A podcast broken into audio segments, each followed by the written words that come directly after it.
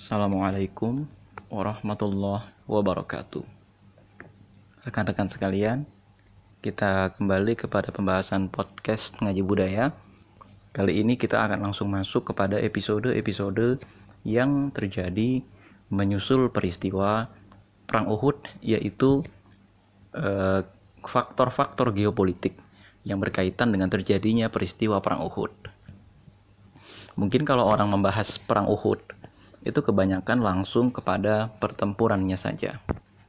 Akan tetapi, ternyata untuk bisa memahami dan kemudian mengambil ibroh dari pertempuran perang Uhud itu, kita harus bisa menarik faktor-faktor geopolitik apa saja yang melatar belakangi peristiwa perang Uhud dan kemudian apa saja yang terjadi di kira-kira masa antara perang Bani Qainuqa dengan perang Uhud Baru dari situlah kita bisa menganalisis strategi Rasulullah ketika menyelenggarakan perang Uhud.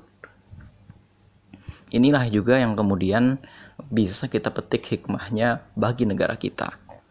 Yang mana pada hari ini negara kita menghadapi berbagai macam konflik yang berkaitan dengan geopolitik dan geomiliter.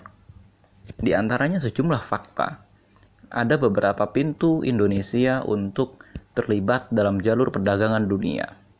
Di antaranya misalnya Selat Malaka, yang mana Selat Malaka itu menjadi domain dari Indonesia dan Malaysia. Selain Selat Malaka, ada Selat Natuna, ada Laut Natuna. Yang mana Laut Natuna itu akan langsung berhubungan dengan Laut Cina Selatan. Nah, Laut Cina Selatan adalah salah satu laut yang paling sibuk di dunia ini, adalah salah satu laut yang nilai ekonominya sangat tinggi karena laut itu menjadi jalan dari negara-negara di Asia Tenggara menuju negara-negara di Asia daratan seperti Korea, Jepang, Cina, dan lain sebagainya. Nah, kemudian Indonesia juga diapit oleh banyak sekali pangkalan militer Amerika Serikat. Dan rupanya negara-negara Asia Tenggara yang tidak punya pangkalan militer Amerika Serikat hanya Indonesia. Tapi itu hal yang lain akan tetapi sekarang kita akan fokus kepada apa yang terjadi di kota Mekah dan juga apa yang terjadi di kota Madinah sebelum perang Uhud terjadi. Nah, rekan-rekan sekalian, untuk kita ketahui Rasulullah Shallallahu Alaihi Wasallam melakukan dua hal yang kita bisa bagi ya, dua hal uh, setelah perang Badar. Hal pertama adalah hal-hal internal dan hal kedua adalah hal eksternal. Ya, yang kalau kita garis bawahi sekarang itu hal yang terjadi di dalam negara dan kemudian kebijakan luar negerinya Rasulullah. Sebagai kebijakan dalam negerinya Rasulullah, Rasulullah itu melakukan beberapa hal. Yang pertama, Rasulullah itu melakukan pembagian ghanimah secara merata. Yang mana ghanimah-ghanimah ini didapatkan dari perang Badar maupun dari rampasan-rampasan e, gerombolan kaum Quraisy yang sempat berpapasan dengan Rasulullah di berbagai jalur dagang dan kemudian Rasulullah melakukan penyergapan. Artinya e, mulai terjadi stabilitas di sini. Dan Rasulullah itu menjamin dengan datangnya Islam ya. Ini kan perang Uhud itu terjadi kira-kira tahun ketiga Hijrah. Jadi hanya tiga tahun setelah terjadinya peristiwa hijrah itu, kota Madinah telah jauh lebih stabil daripada sebelumnya. Padahal kota Madinah itu baru saja mengalami perang kira-kira tujuh tahun sebelum Rasulullah berhijrah dan sebelum perang Uhud dua tahun sebelumnya ada perang Badar. Akan tetapi ternyata Rasulullah berhasil mengendalikan stabilitas yang ada di dalam kota Madinah.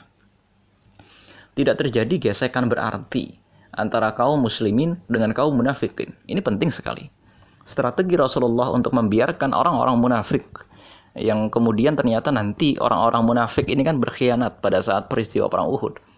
Ternyata strategi ini benar karena apa? Rasulullah itu masih menghadapi bahaya dari luar negeri. Bahaya yang datang dari luar negeri ini salah satu yang paling besar itu akan datang dari kota Mekah.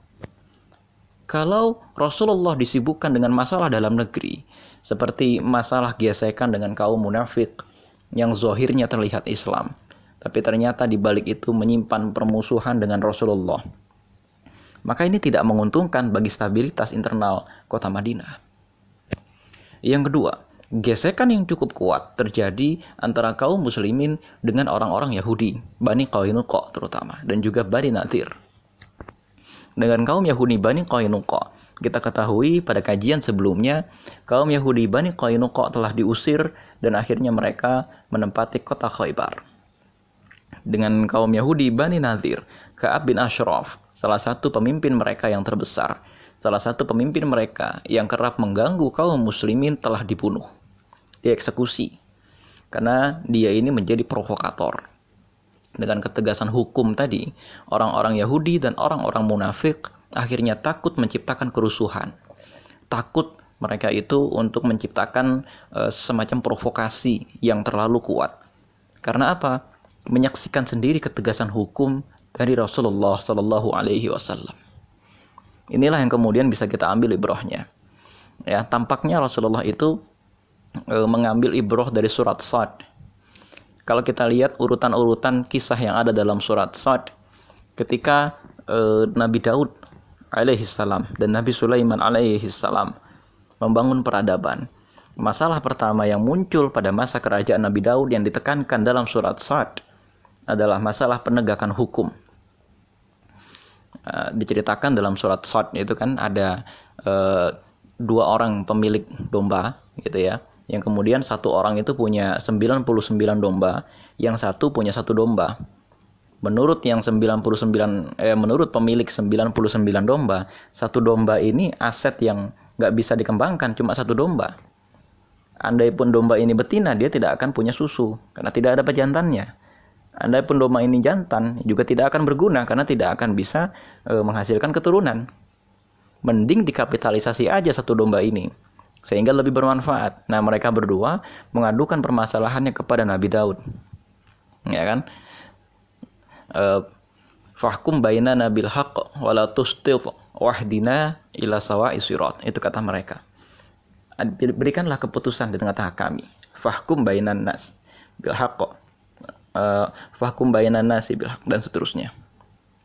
Nah, uh, kemudian Tampaknya Rasulullah mengerti benar ini semua. Rasulullah itu menciptakan pasar untuk menciptakan keadilan ekonomi. Rasulullah itu membuat pasar khusus kaum muslimin dan Rasulullah juga membuat kebijakan-kebijakan lain. Sehingga apa? Sehingga keadilan itu tampak terasa ada di kota Madinah. Nah, urusan keadilan inilah yang kemudian penting sekali untuk dirasakan di tengah-tengah masyarakat yang negara yang ada masyarakatnya tersebut itu mau lepas landas. Kita lihat kejadian perang Uhud itu kan terjadi setelah perang Badar, di mana perang Badar itu tanda bahwa masyarakat baru sudah terbentuk. E, kalau kita mengikuti misalnya ya pandangan dari Ibnu Khaldun atau misalnya mengikuti pandangan dari Soekarno misalnya, satu bangsa yang baru muncul itu memerlukan satu simbol untuk membedakan mereka dari masa lalunya.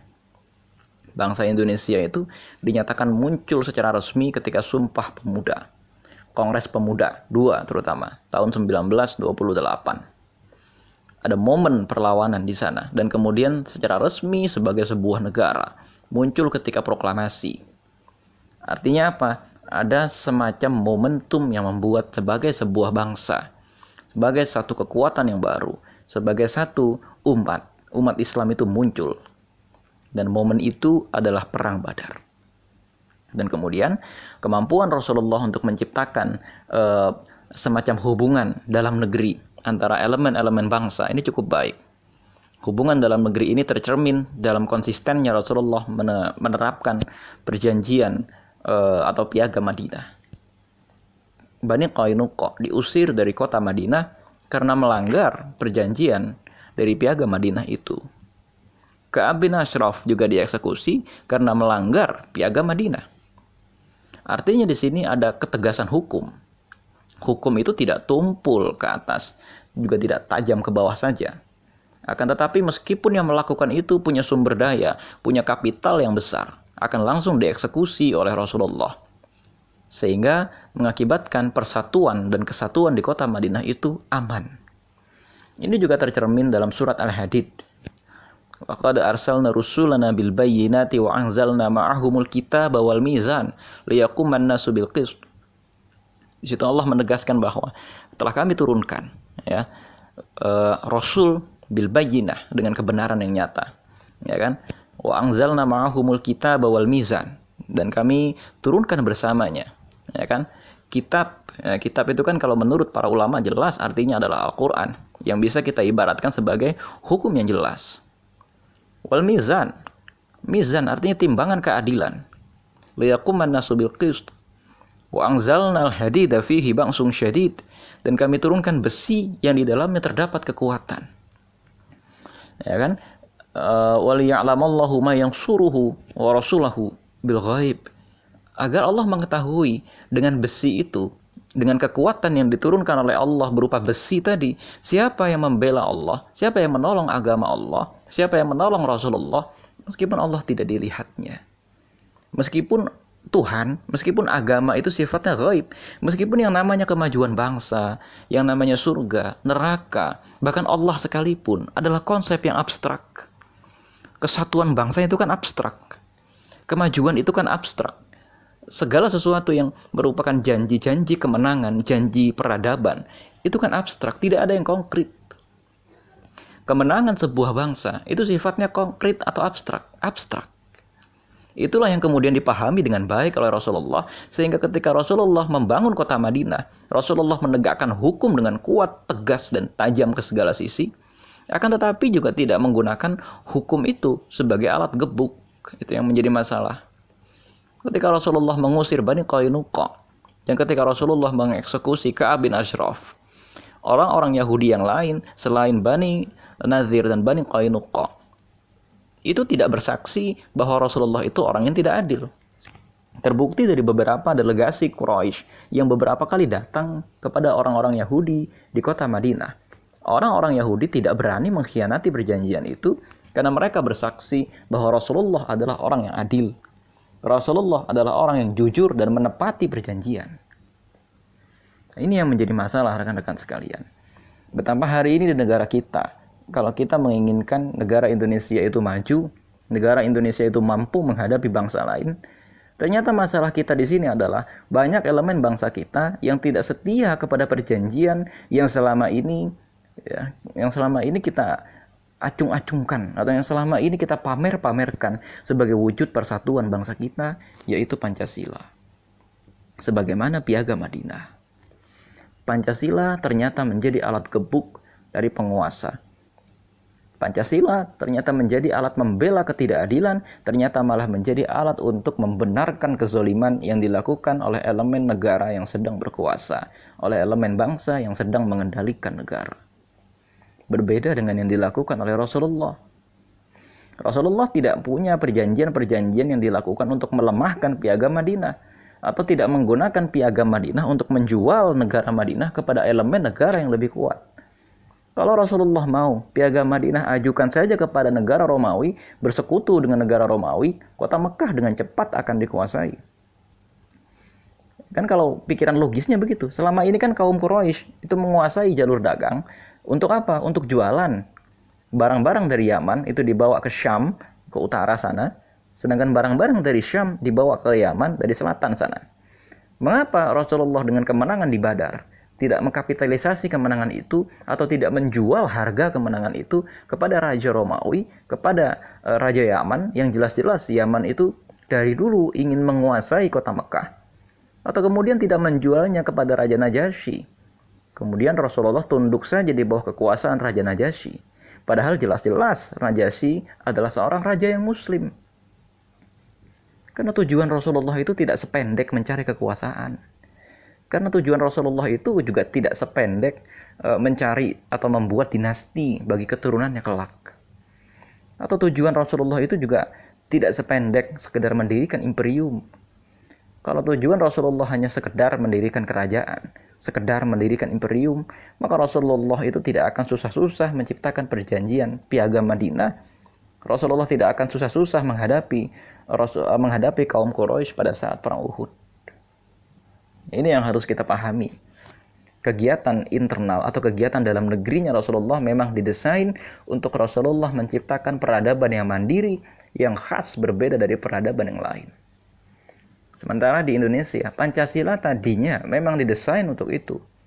agar negara kita itu mendirikan satu e, bangsa dengan DNA atau dengan genetika yang berbeda dengan bangsa yang lain. Gimana kalau di sini menurut Soekarno itu harusnya Islam, nasionalisme dan agama itu bisa bersatu. Islam, komunisme, dan kemudian nasionalisme, agama terutama. Di sini bisa bersatu, nasakom namanya. Dan juga dengan Pancasila, dengan asas tunggal menurut Soeharto, harusnya negara itu bisa aman, bisa bersatu semuanya. Atau juga kalau sekarang ada undang-undang mengenai haluan negara, harusnya semuanya bisa bersatu. Akan tetapi ternyata rakyat melihat sendiri Pancasila berubah menjadi alat gebuk. Elemen negara tidak sepenuhnya bisa menegakkan keadilan. Itu sebabnya antar elemen negara, antar elemen bangsa hari ini rata-rata krisis kepercayaan.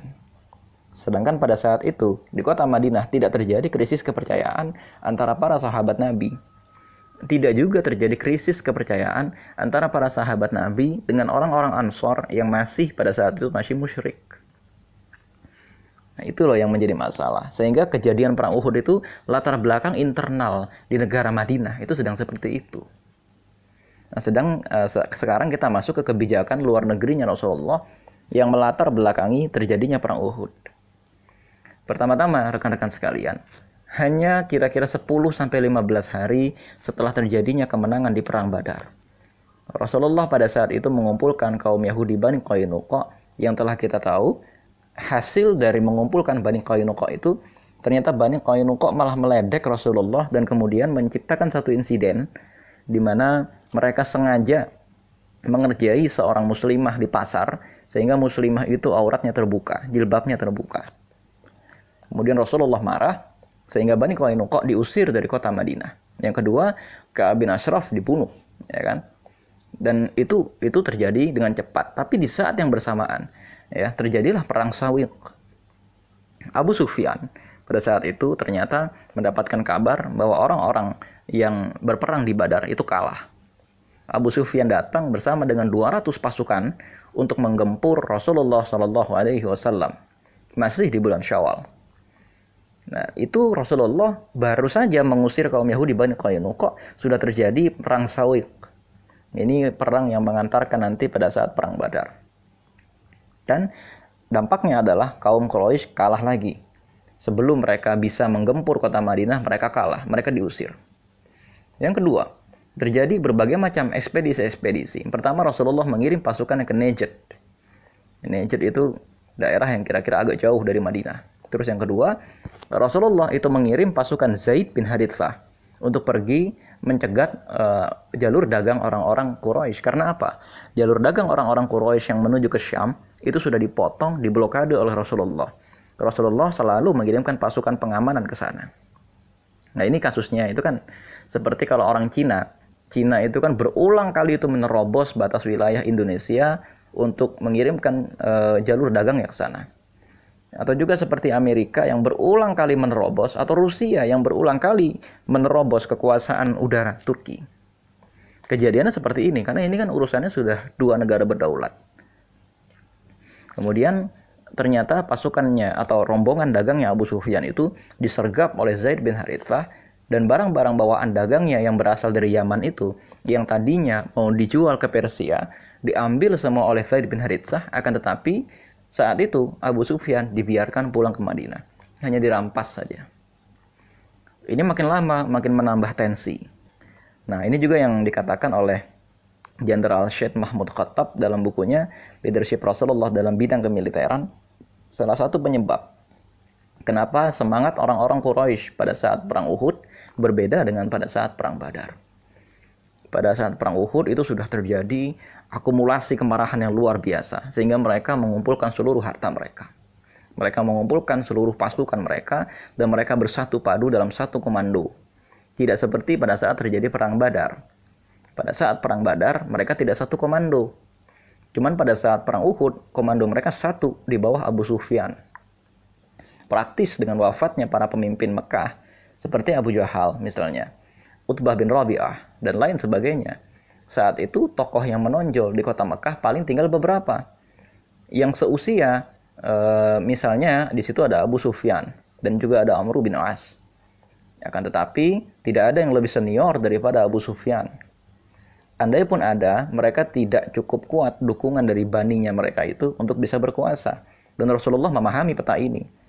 Makanya Abu Sufyan itu langsung berangkat sendiri memimpin e, kongsi dagangnya. Abu Sufyan itu langsung berangkat sendiri memimpin rombongan dagang dan berulang kali juga dicegat oleh Rasulullah.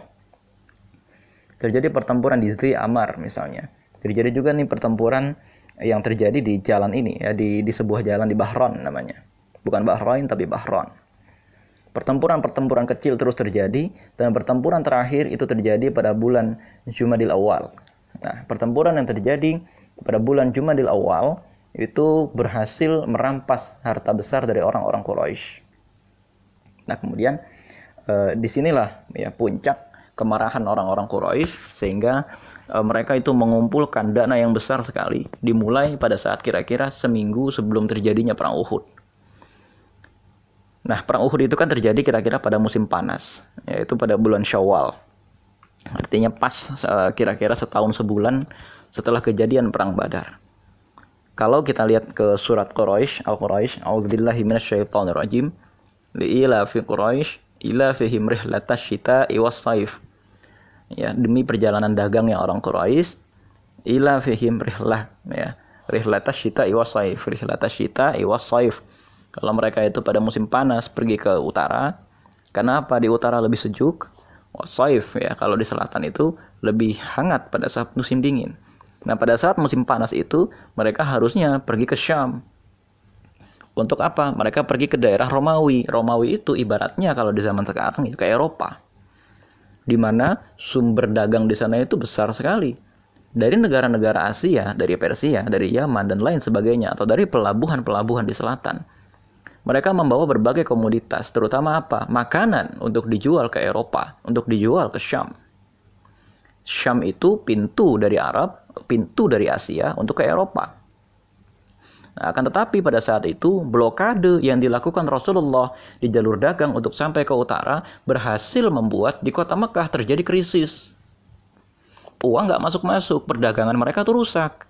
Andai pun mereka itu mau e, maju ke utara terus, mereka mau nggak mau berdamai dengan Rasulullah dan itu nggak maulah mereka. Ini konflik akan terjadi jangka panjang dan Rasulullah mengerti. Ya Rasulullah tinggal kuat-kuatan aja, mau nggak konflik jangka panjang dengan Rasulullah. Akhirnya e, karena kebijakan-kebijakan luar negerinya Rasulullah yang semacam ini menyebabkan pukulan telak bagi kota Mekah terutama setelah perang Badar maka orang-orang Quraisy dipimpin oleh Abu Sufyan mengumpulkan seluruh harta benda mereka yang tersisa, mengumpulkan seluruh keuntungan dagang mereka untuk membuat sebuah pasukan besar. Nah, kalau uh, mau kita lihat di sini motifnya orang-orang Quraisy itu masih menurut Jenderal Syed Mahmud Khattab. Motifnya orang-orang Quraisy itu mengembalikan kerugian ekonomi mereka. Jadi ini ibaratnya kalau kita lihat ya, ini kayak Donald Trump, seperti Donald Trump dan seperti Xi Jinping. Mereka-mereka ini pedagang, tapi pedagang yang menguasai sebuah negara. Mereka ini pedagang tapi mempunyai jabatan eksekutif yang menarik sekali. Nah, mereka tidak segan-segan mengeluarkan biaya untuk berperang apabila nanti mereka membayangkan dari biaya perang itu mereka akan mendapatkan kembali kejayaan mereka, mereka akan impas ya, bahasanya tuh balik modal lagi. Dan bukan hanya balik modal, mungkin dalam bayangan mereka, mereka akan mendapatkan keuntungan yang besar. Karena apa? Tidak tanggung-tanggung. Yang dikalahkan adalah orang yang berhasil menciptakan satu kerajaan baru, imperium baru bagi mereka, namanya Madinah. Apalagi Rasulullah di bawah koalisinya Rasulullah, di bawah e, semacam fakta ekonominya baru Rasulullah, ada kurang lebih 10 kabilah besar yang bergabung yang selama ini 10 kabilah besar itu tidak pernah bisa disatukan oleh orang-orang Quraisy. Ada Bani Mazij, ada kabilah Juhaina, ada Bani Damrah, ada kaum Ansor yang terdiri dari Aus dan Khosrat, itu saja sudah lima. Kemudian ada empat kaum Yahudi. Dan kemudian ditambah lagi dengan kaum Muhajirin. Dan apalagi mereka semakin stres dengan mengetahui fakta bahwa Raja Najasyi sudah masuk Islam. Dan pasti mereka mengetahui kaum muhajirin yang di sana juga ada pedagang-pedagang besar seperti Abu Bakar As-Siddiq, Zubair bin Awam, Uthman bin Affan, dan mayoritas pedagang-pedagang besar yang lain pasti mereka juga akan memanfaatkan jalur dagang itu. Dan negara-negara produsen atau negara-negara yang menguasai sumber daya tentu saja tidak peduli siapa yang membawa barang mereka. Mereka hanya peduli siapa yang bisa menghasilkan uang, pragmatis. Dan Rasulullah ternyata berhasil memanfaatkan pragmatisme itu. Rasulullah berhasil memanfaatkan pragmatisme Romawi dan pragmatisme Persia untuk mengkapitalisasi sumber daya dan mengembangkan peradaban Islam. Kemudian nanti puncaknya nanti kan Konstantinopel ditaklukkan atau Persia itu juga ditaklukkan. Dan kemudian nanti ya di zaman Bani Umayyah Konstantinopel itu hanya kira-kira 50 tahun setelah Rasulullah meninggal Konstantinopel itu hanya betul-betul menjadi ujung dari kekuasaan Islam. Sehingga puncaknya nanti umat Islam menguasai Konstantinopel. Itu saja. Dan Abu Sufyan mengerti hal ini.